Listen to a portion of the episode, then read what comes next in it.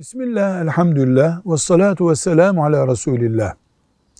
Çok çok yemin eden birisi, bu yeminleri bozduğunda kefaret ödeyecek. 10 fakiri doyuracak veya 10 fakiri yedirecek. Kendisi de çok fakirse 3 gün oruç tutacak.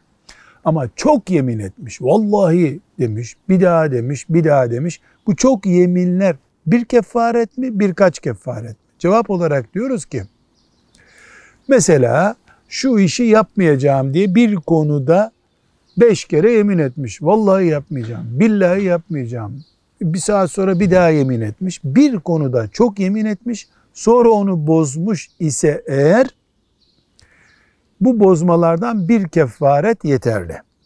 Ama farklı konularda mesela şunu yapmayacağım diye yemin etmiş. Sonra şunu yemeyeceğim diye yemin etmiş. Onunla konuşmayacağım diye yemin etmiş. Ve hepsini de bozmuş. Ya da ikisini bozmuş. Farklı konulardaki e, bozmalar her biri için bir kefaret gerektiriyor. Mesela şununla konuşmayacağım dedi. Bozdu. Bozması gerekiyordu zaten. Ona bir kefaret. Şu yemeği yemeyeceğim dedi. Ona bir kefaret.